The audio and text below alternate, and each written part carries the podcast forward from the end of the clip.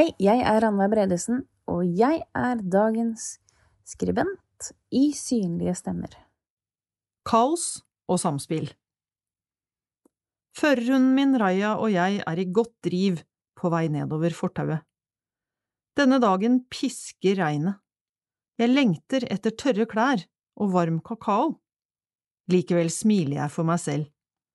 Flyten, anelsen om at Raja og jeg har funnet tonen her ute i en våt og litt vrien verden. Heia oss! Vi kommer oss til et veikryss, og hunden min stopper på fortauskanten slik hun har lært. Jeg føler meg ganske sikker på hvor vi befinner oss, så jeg kommanderer henne over til det andre fortauet. Plutselig skjærer Raja ut i en underlig kurve. Den gode flyten er som blåst vekk. Bestemt sier jeg retning, i et forsøk på å hindre at vi mister forståelsen av hvor vi er. Det hjelper ikke, og jeg blir redd. Vi går i veibanen et stykke, og en bil kommer kjørende mot oss. Jeg røkker å se for meg at vi begge blir påkjørt. Nå er jeg virkelig redd. Men jeg kan ikke slippe bøylen og prøve å gå alene, for jeg aner ikke hvor det er trygt å gå. Gå til butikken, er det mange som tror jeg kan si til min nye førerhund, og så skal vi liksom gå fra leiligheten til butikken helt på hundens ledelse. Men det er ikke sånn det fungerer. En førerhund er trent til å stoppe ved gangfelt, fortauskanter, sideveier og å søke bestemte kjennetegn som læres inn langs en rute. En førerhund skal også hjelpe meg unna hindringer som hull i veien, mennesker eller gjerder som er satt opp i forbindelse med veiarbeid. Ved hvert stopp skal egentlig Raja vente på beskjed om hva jeg vil videre. Det er hunden som skal passe på de små orienteringsbitene, og jeg som skal passe på hvor vi er og hvor vi skal. Men både menneske og hund kan miste konsentrasjonen, og da er det lett at misforståelser oppstår.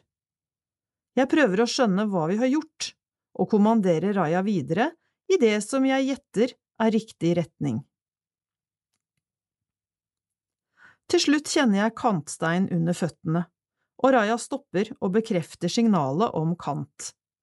Jeg tar et skritt videre, opp på et fortau. Endelig trygge fra biler. Men hvor er vi nå? Jeg oppfatter ikke hvor vi har havna. Jeg lytter intenst for å finne lydspor som kan gi meg et hint. Lydbildet blir så kaotisk at jeg ikke klarer å lese det som skjer tett innpå oss. Lyden av veiarbeid overdøver lyden av fotgjengere, sykler og biltrafikk som kunne fortalt meg hvilke retninger veiene går i. Det er ingen skam å snu, gjaller det i hodet mitt. Men snu? Hvordan kan jeg snu når jeg ikke aner hvor vi er, eller hvor vi er på vei? Nølende fortsetter jeg bortover fortauet vi fant etter veikrysset. Plutselig slamrer det i en diger bildør og en fyr hopper ut av kjøretøyet. Hei, du, du har kommet deg inn i veiarbeidsområdet. Kan jeg hjelpe deg over til det andre fortauet? Hjertet mitt synker. Det var jo det jeg prøvde å unngå. Hvor skal du forresten? spør han forsiktig. Sammen greier vi å tolke hvor Raja og jeg befinner oss. Lettelsen over endelig å få hjelp vokser i brystet. Nå gjelder det å klare å fortsette på egen hånd. Nå skjønner jeg sånn cirka hvor jeg er, men her har Raja aldri ledet meg før. Oppspilte, engstelige og litt nysgjerrige fortsetter vi. Regnet har aldri kjent det så vått, og veien hjem aldri lengre.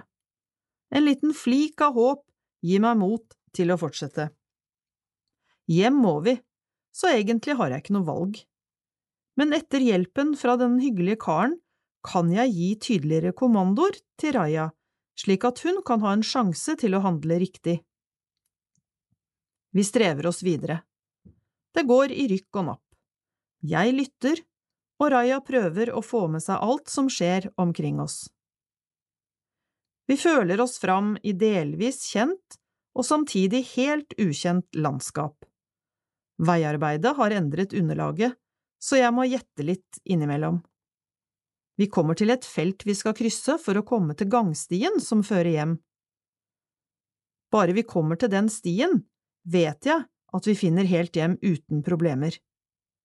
Raja trekker til venstre for å cruise oppover i retning stien vi skal til.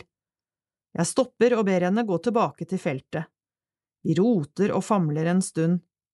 Raja gir seg ikke. Det er som om hun roper, vi skal hitover. Siden hun tulla tidligere, hvorfor skulle jeg tro hun har rett nå?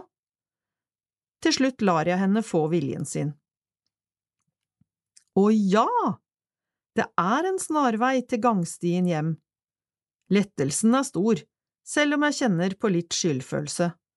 Jeg skulle ha hørt på deg, Raja. Jeg er så stolt av henne.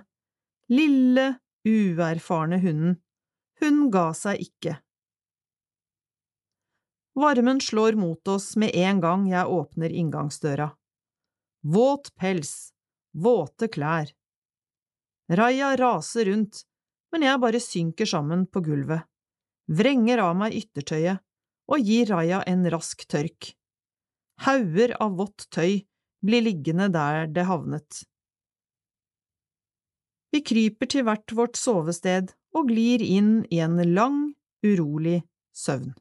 Nå har du hørt en episode av podkastserien Synlige stemmer fra KAB. Har du lyst til å høre mer eller å abonnere på serien, så finner du den selvfølgelig på iTunes, Spotify eller andre podkastplattformer. Da kan du søke etter Synlige stemmer. Vite mer om eh, KAB, så besøk våre nettsider på www.kab.no.